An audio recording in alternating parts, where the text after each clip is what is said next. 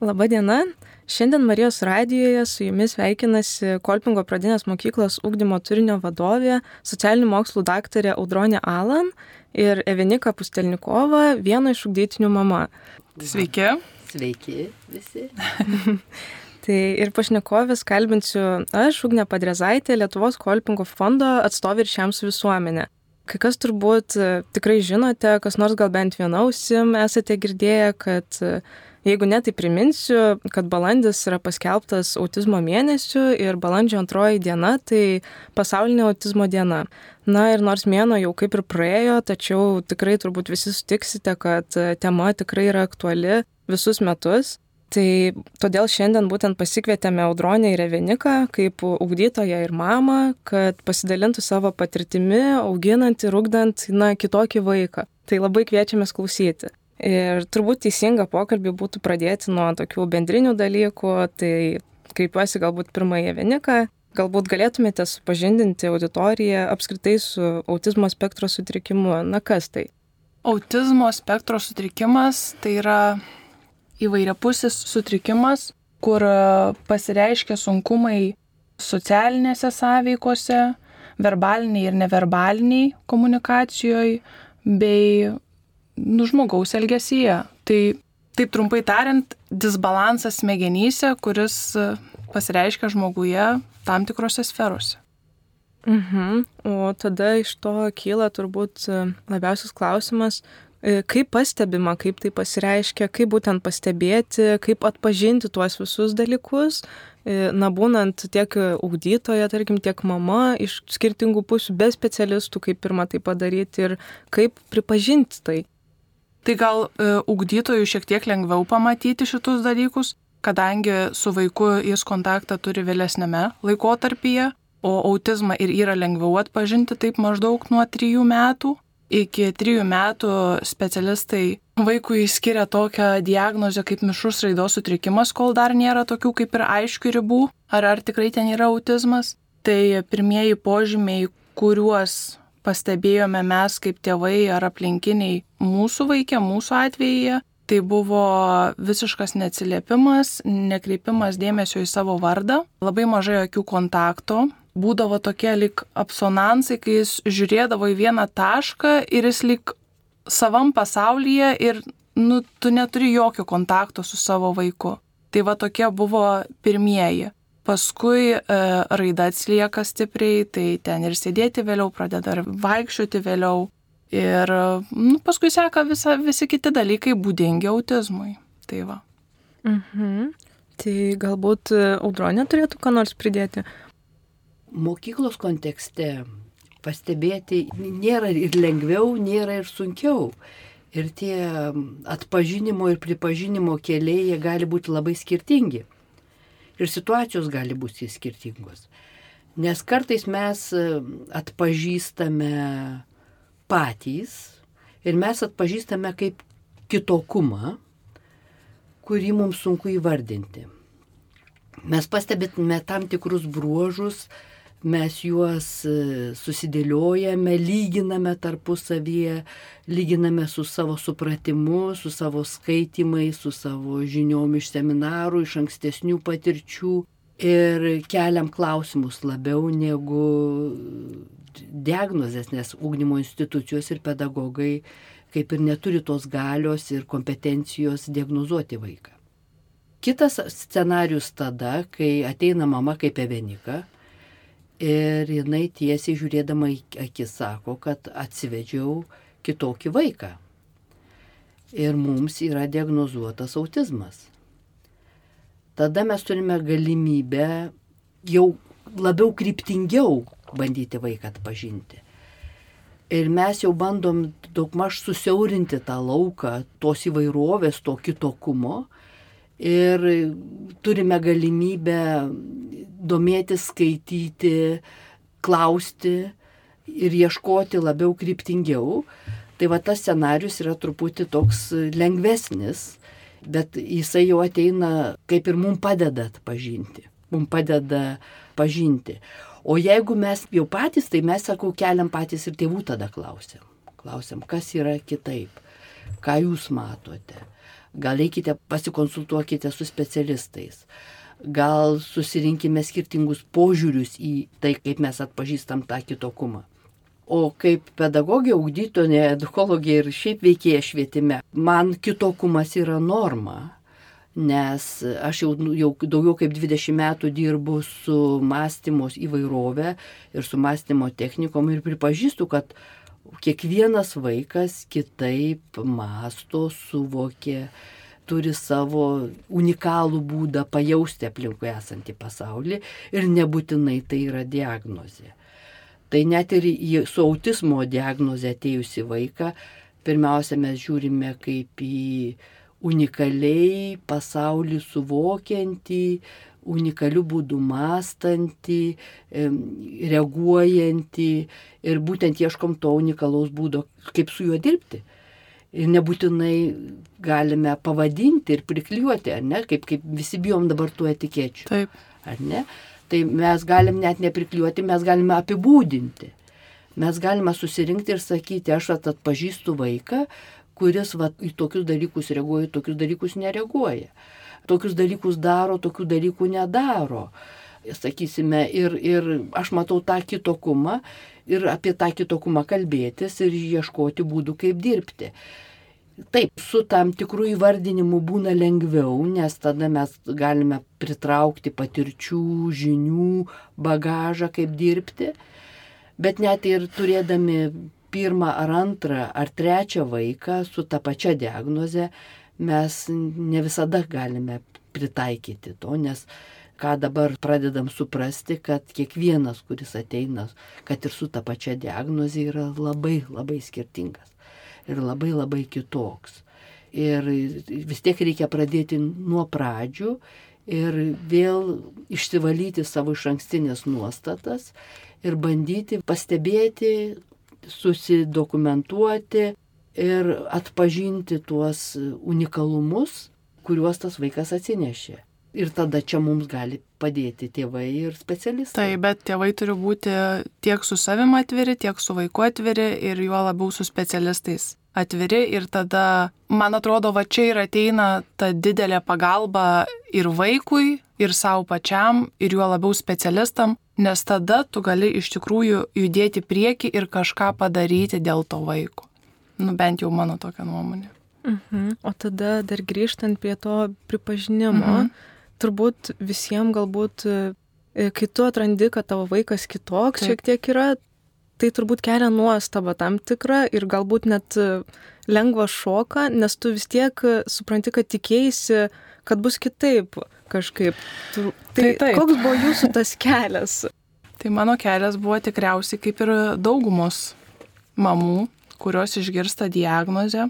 Yra vienas dalykas, kai, tarkim, vaikas dar yra mažas, galbūt jis dar negimė, kai pastebi požymius ten su Dauno sindromu, tu jau kaip ir turi tokią progą pasiruošti kažkaip, susitaikyti su tuo ar kažkaip, nu kitaip.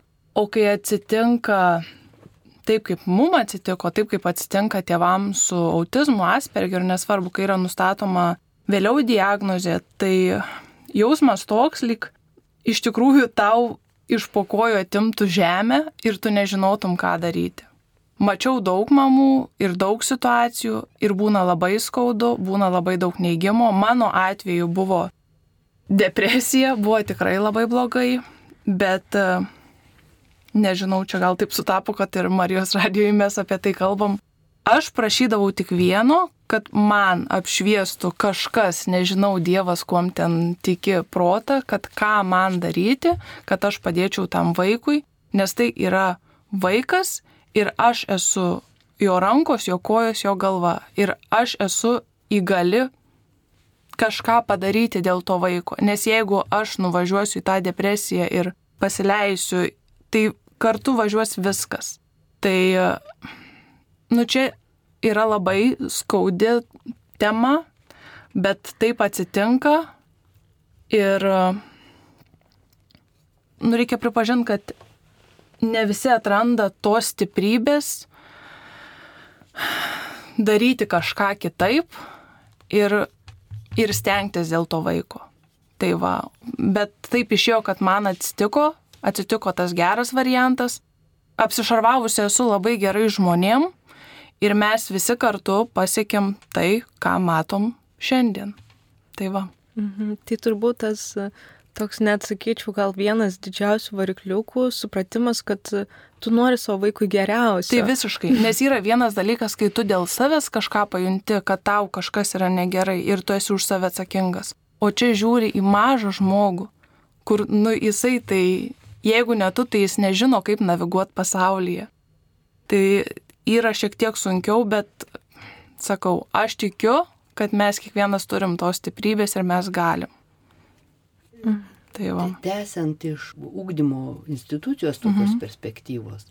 Ir kai pas mus ateina tėvai ir kalbasi apie vaikus, kartais mes paklausam tokį klausimą, ar tu nori, kad tavo vaikas būtų kaip visi, ar tu nori, kad tavo vaikas išlaikytų ir išplėtotų savo unikalumą ir skirtingumą. Ir kartais, kadangi atstovauju privačią instituciją, tai pas mus daugiau ateina tėvų, kurie švenčia vaiko kitokumą ir nori jiems padėti būti kitokiems ir atrasti savo vietą gyvenimą ir nebūti suniveliuotiems ir sudėtiems į vieną dėžutę. Tai čia yra požiūrio klausimas Ir nuo tada, kada mes nustojam bijoti kitokumo ir jį pradedam švesti, tada mums pasidaro lengviau jį priimti ir su juo tvarkyti, jį pripažinti ir su juo dirbti. Ir tiek pat tėvams, tiek pat ugdytojams, ar ne? Bet to požiūrio kaita yra skausminga. Ir va, klausau Evenikos ir galvoju, o kaip man tada šnekėti su ta mama, kurios akise ašaros randasi, kai aš nežymiai užsimenu apie vaiko kitokį kias reakcijas, kitokį požiūrį, kitokius pasiekimus. Ir, ir kaip aš galiu tada padėti mamai, tėčiui priimti tą realybę, ne? Ir su ją gyventi, dirbti ir ją išnaudoti. Tai, tai va, va, tas pripažinimo klausimas yra va, tas pirminis ir jisai nuo jo paskiau pajuda ir tada jau galima, kai jau mes priimam, tada galim pajudėti į priekį. Tikrai taip sutinku su audronė. Mhm. Tai jau nemažai girdėjau ir turbūt galime sutarti visi, kad tas bendradarbiavimas tarp tėvų, tarp mokytojų mokyklos, tarp vaiko yra labai svarbus esminis momentas, ar ne? Taip. Tai pereinti galime jau prie ugdymo, kuo yra specifinis būtent ugdymo poreikis kitokių vaikų ir kokiais būdais jį įvykdyti, patenkinti galima. Tai kadangi aš čia atstovauju ūkdymo instituciją, tai man tas klausimas labai labai aktualus, nes mūsų mokykloje yra vienas iš dešimt kolpingo pedagogikos principų yra individualus požiūris į kiekvieną vaiką. Ir išsikėlę šitą principą mes e, pripažįstama, kad kiekvienas vaikas turi individualų specialų ūkdymo poreikį. Ir kai ateina mama su vaiku ar tėti su vaiku ir sako, mat mes čia turime diagnozuotą autizmą, tada kyla klausimas, o kokį ūkdymo poreikį mes čia turime. Ir vis tiek yra pirminis bendras, ar net atpažinti, ko tam konkrečiam vaikui reikia kaip jam padėti tapti tuo, kuo jis geriausių gali tapti. Ir, ir vat, tai vat, vis tiek ta humanistinė bendra tokia koncepcija, jinai to bendro poreikio apibrėžimo. O paskiau jau, jeigu kalbam apie autistinį vaiką, tai mes tada jau skaidom ir sakom ir klausiam tėvų, ar jo poreikis yra, e, sakysim, e, realizuoti tą bendrąją ūkdymo programą, ar ne, su minimaliu stresu, ar ne, su minimaliu kažkokiu sulaužimu, ar ne, vaiko, nes labai, labai baisu tą pasakyti, ar ne, nes, nes, nes vaikas vis tiek įeina į tą aplinką, kuri jam ir, ir programa, ir tas visas spektras, ką jisai turi pasiekti, mes kartais pripažįstame, kad tik dalį to pasieks. Ne?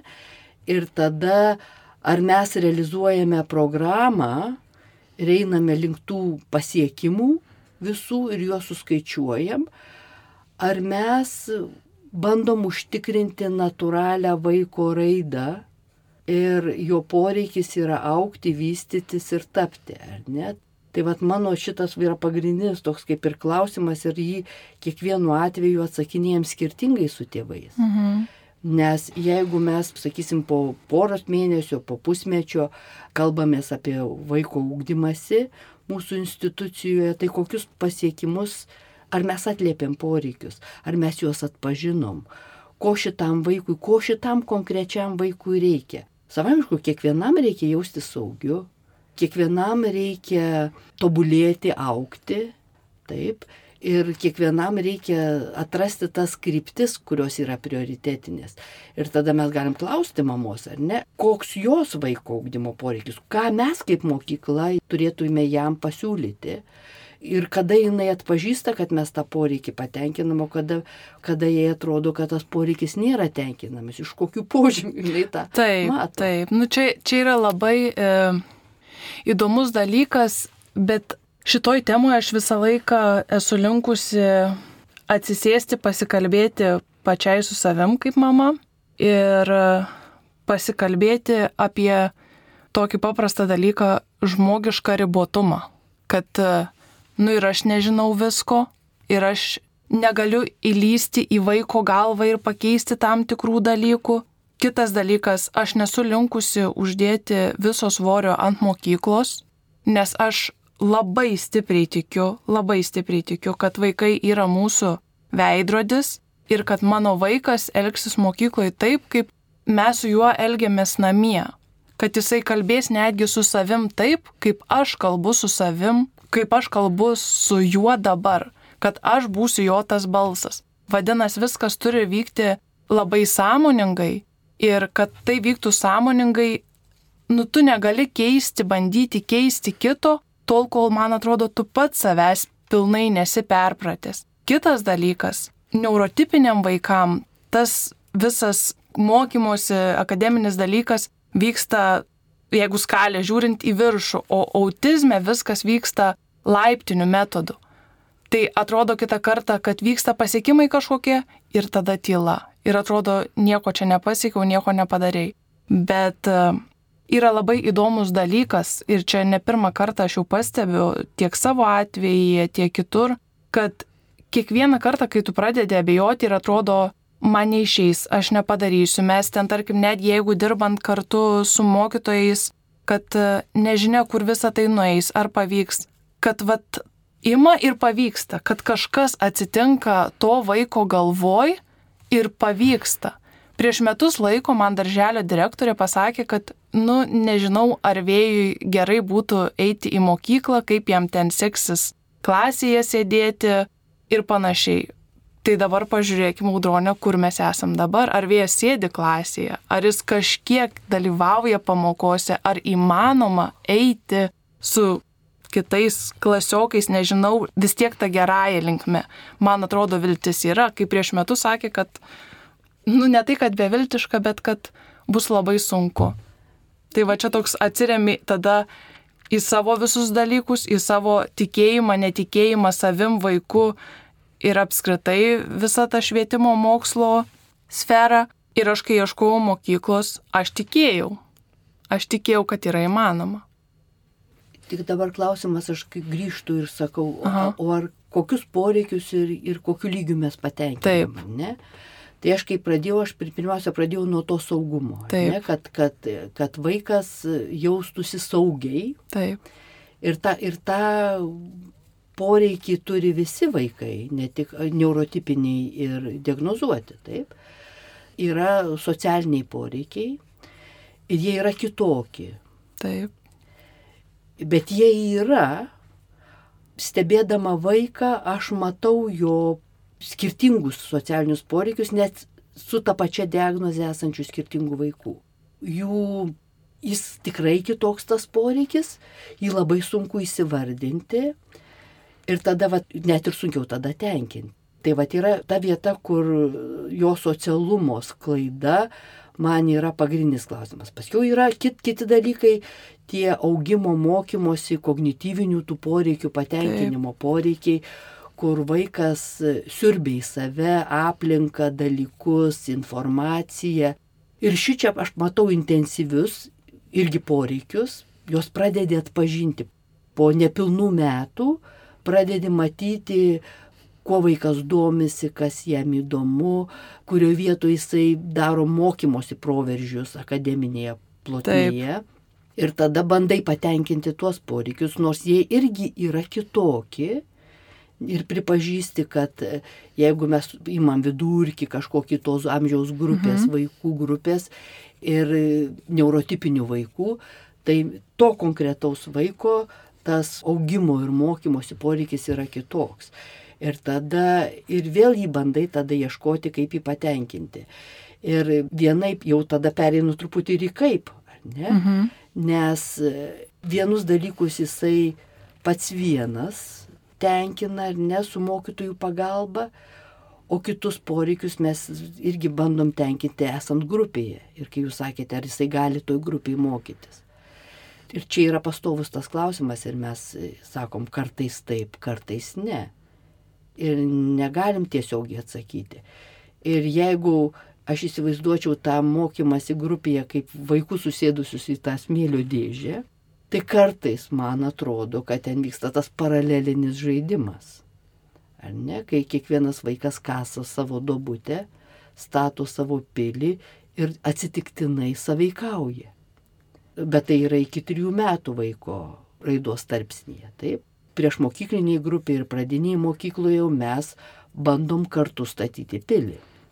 Mes bandome visi kartu kažką daryti ir čia mes tada pamatom tą kitokumą, nes į tą bendrą pilies statybą vaikas su autizmo spektro sutrikimu, e, jisai natūraliai atsitraukia.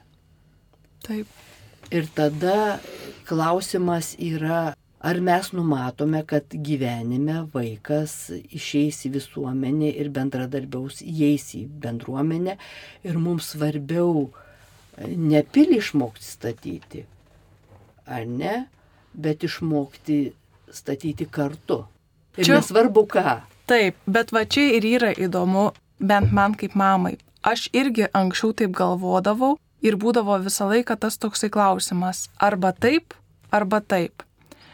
Dabar stengiuosi, nu kaip mama, turėdama tokį vaiką, galvoti taip, kad aš galiu turėti ir tiek to kažko, ir kažko kitko. Vadinasi, eigoje matyti, kad galbūt aš galiu ir leisti jam kažkiek pabūti savim su savo dalykais ir taip, kaip jam reikia, ir bandyti traukti į tą kažkokį tai, e, nežinau, veiklą su kitais.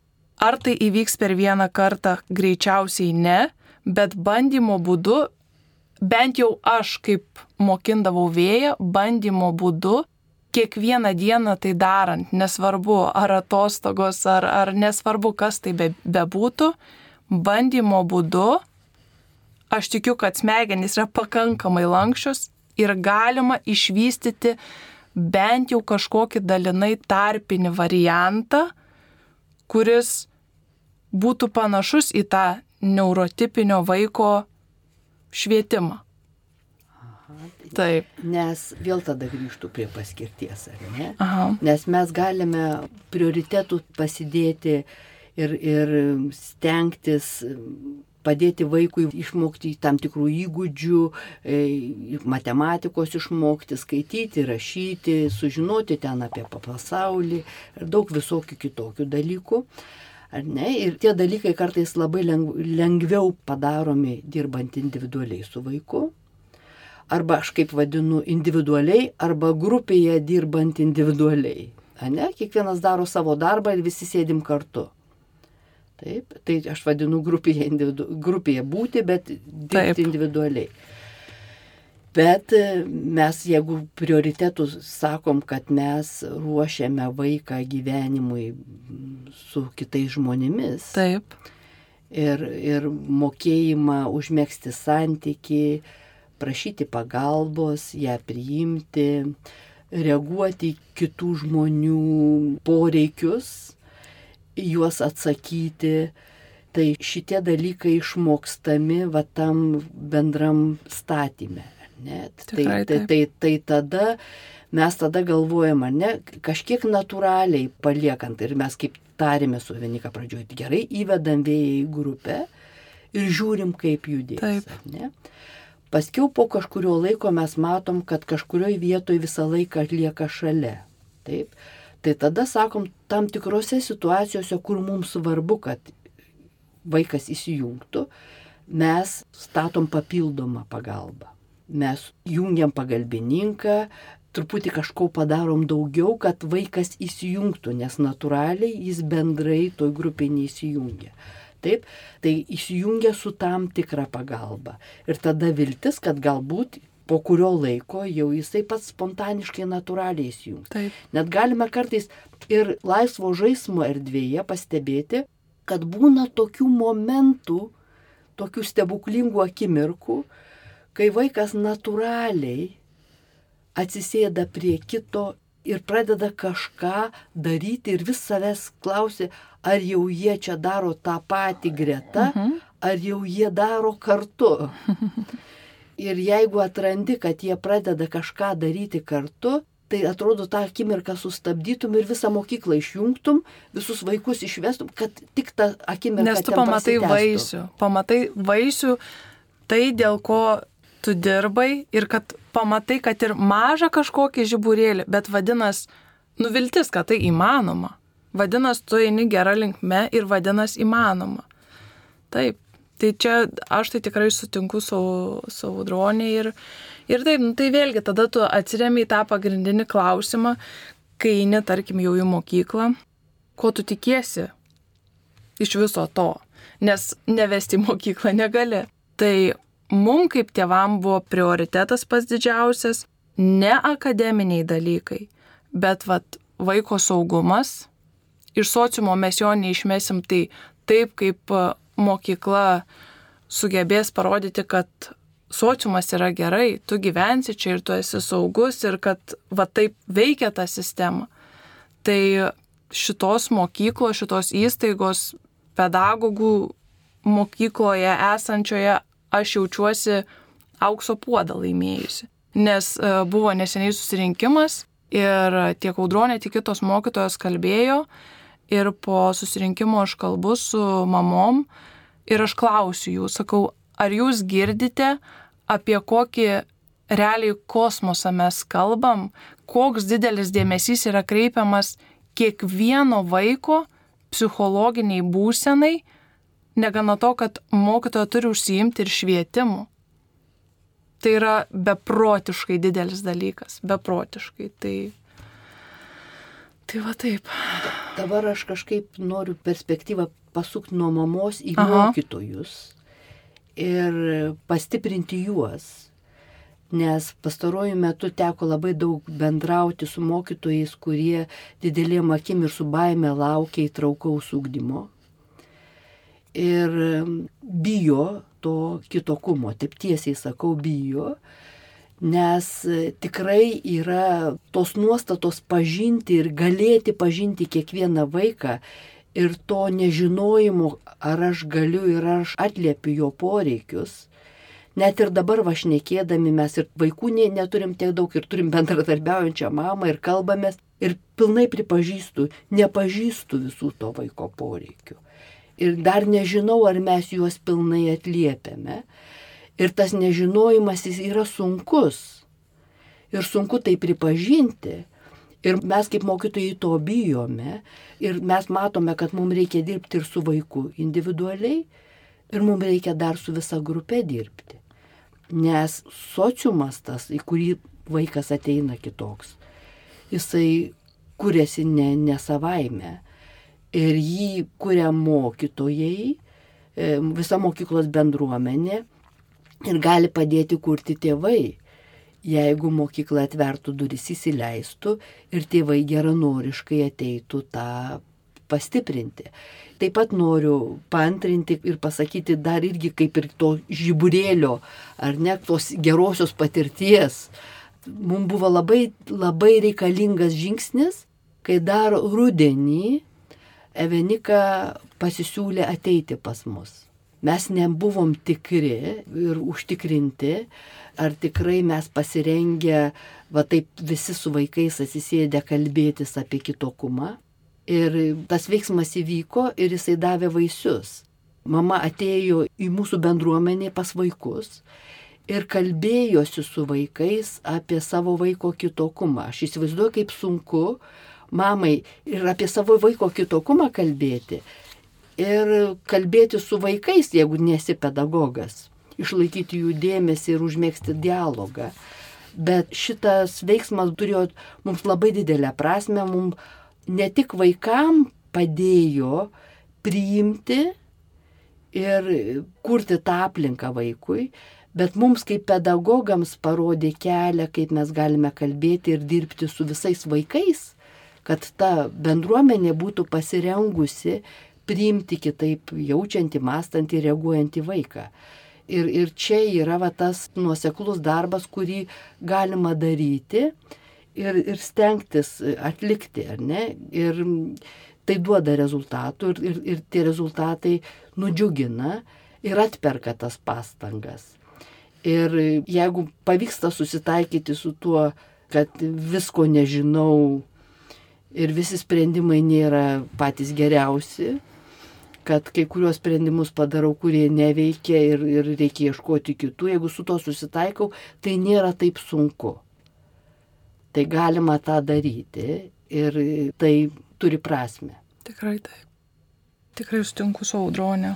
Ar baisu apie tai kalbėti, baisu, nes tai, kaip bebūtų, vis dar yra stigmatizuojama, bet e, ar verta, tai bent jau mano kaip mamos tokiu požiūriu, tai veikia netgi gal ir terapiškai, nes tu garsiai pasakai vaikam savo baimę, savo kaip mamos, kaip nukalbė apie savo vaiką, bet e, tiek, kiek aš stebiu vaikus, tai jais aš tikiu tikriausiai labiausiai, nes jie yra nuoširdus, jie girdi, ką tu sakai, bet jie ypatingai jaučia.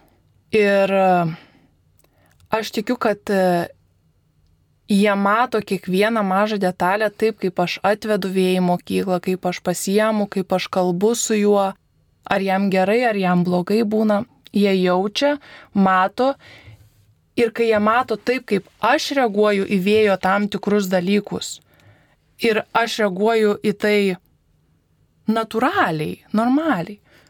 Vadinasi, ir jie jau būdami, nesvarbu kokiam amžiui, jie susidaro kažkokį tai požiūrį ir irgi galbūt nebestigmatizuoja. Jie mato, kad, nu, va taip yra, mes pripažįstam, mes apie tai kalbam, bet ar reikia dėl to kažkaip kitaip reaguoti, nu nežinau net, nežinau. Bet kartu aš ir su vėju kalbu. Bet aš nežinau, kiek daug jisai supranta, bet e, su vėju stengiuosi kalbėti lygiai taip pat atvirai kaip ir su vaikais mokykloje ir pasakyti dalykus, kurie kartais, tarkim, būna man sunkus, kai atsitinka tam tikros situacijos, kad aš kaip mama irgi ne visada žinau, kaip elgtis. Aš nežinau, kas iš tikrųjų jam yra geriausiai, aš nežinau, kas jam pasikeitė po to pokalbio, bet e, tiek, kiek man išeina, aš stengiuosi ir, nu, tikiu, kad e, mažai žingsniais kažkokie pokyčiai vyks tiek vaikų ar aplinkos požiūryje, tiek e, mano vaikas jausis ir saugesnis ir, ir pats galbūt kažkada užaugęs nusupras, kad taip yra ir čia nieko tokio, vad aš esu toksai, yra va taip va. Tai nu čia toks, vad, kaip pasakyt, pripažinimo reikalas, kuris galbūt kažkam atrodo, kad labai sutraumuoja, o kažkam tokiem kaip mum, nu labai išlaisvina ir suteikia laisvę judėti ir eiti pirmin. Tai va. Ir toks atėjęs vaikas mums tampa tikrojo ūkdymo galimybė.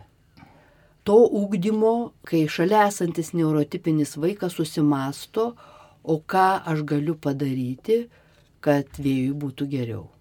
Kaip aš turėčiau reaguoti, kad jisai nusiramintų, ar ne? Ir jeigu mes tuos klausimus ramiai keliam ir klausiam, ar ne? Ir kaip aš turėčiau jį pakviesti žaisti ir kaip aš turėčiau žaisti, kad jisai ateitų su manim pažaisti. Taip. Mums vėjas padeda išmokti šitų dalykų, suprantat?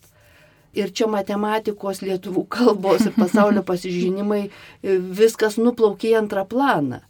Nes kas iš to, kad mes mokėsim suskaičiuoti iki šimto, jeigu mes ne, nemokėsime pajausti kito žmogaus ir adekvačiai į jį reaguoti ir su juo užmėgsti tam tikrą dialogą.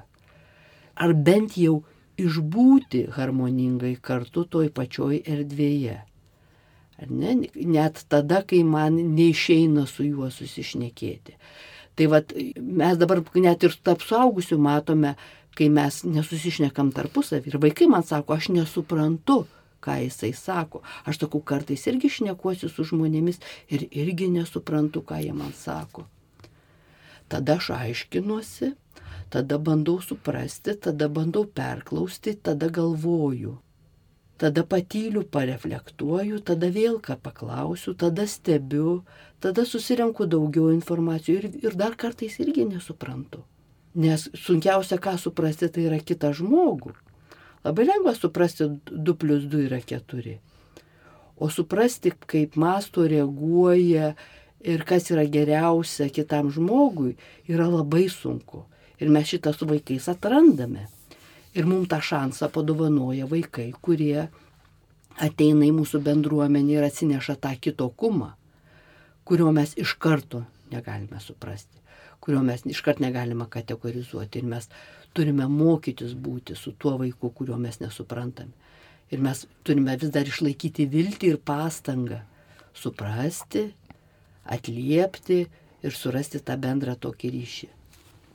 Taip, didelis darbas, bet e, neša labai didelius ir saldžius vaisius. Tikrai, tikrai sutinku su audronė ir, ir, ir nu, atsiriamam į, į, į tą, kad nu, mes vis tiek gyvenam sociume ir kaip be būtų, kokius mokslus tu mokytumėsi, nesimokytum, apskritai, ką tu gyvenime beveiktum, nu vis tiek yra svarbiausias žmogus. Žmogui, nu taip tiesiog yra. Ir kokie mes skirtingi bebūtumėm, man atrodo yra smagu, kai mes pradedam nuo tų mažų dienų ieškoti kelio į kitą žmogų, nesvarbu jis neurotipinis, autizmas ar ten kaip be pavadinsi. Tai va. Tai labai gražus pokalbis buvo, tikrai nuoširdžiai dėkoju Kolpingo pradinės mokyklos e, turinio vadoviai, socialinių mokslų daktariai Audroniai Alan ir mokyklos ugdytinio mamai Evenikai. Tikrai labai buvo nuoširdu, gera klausyti ir tikiu, kad kiekvienas klausytojas atrado, ką nors savo, ką nors iš to pasisėmė. Tai ačiū Jums ir turbūt iki kitų kartų. Tikrai taip. Ačiū labai, Ugne, už pokalbį.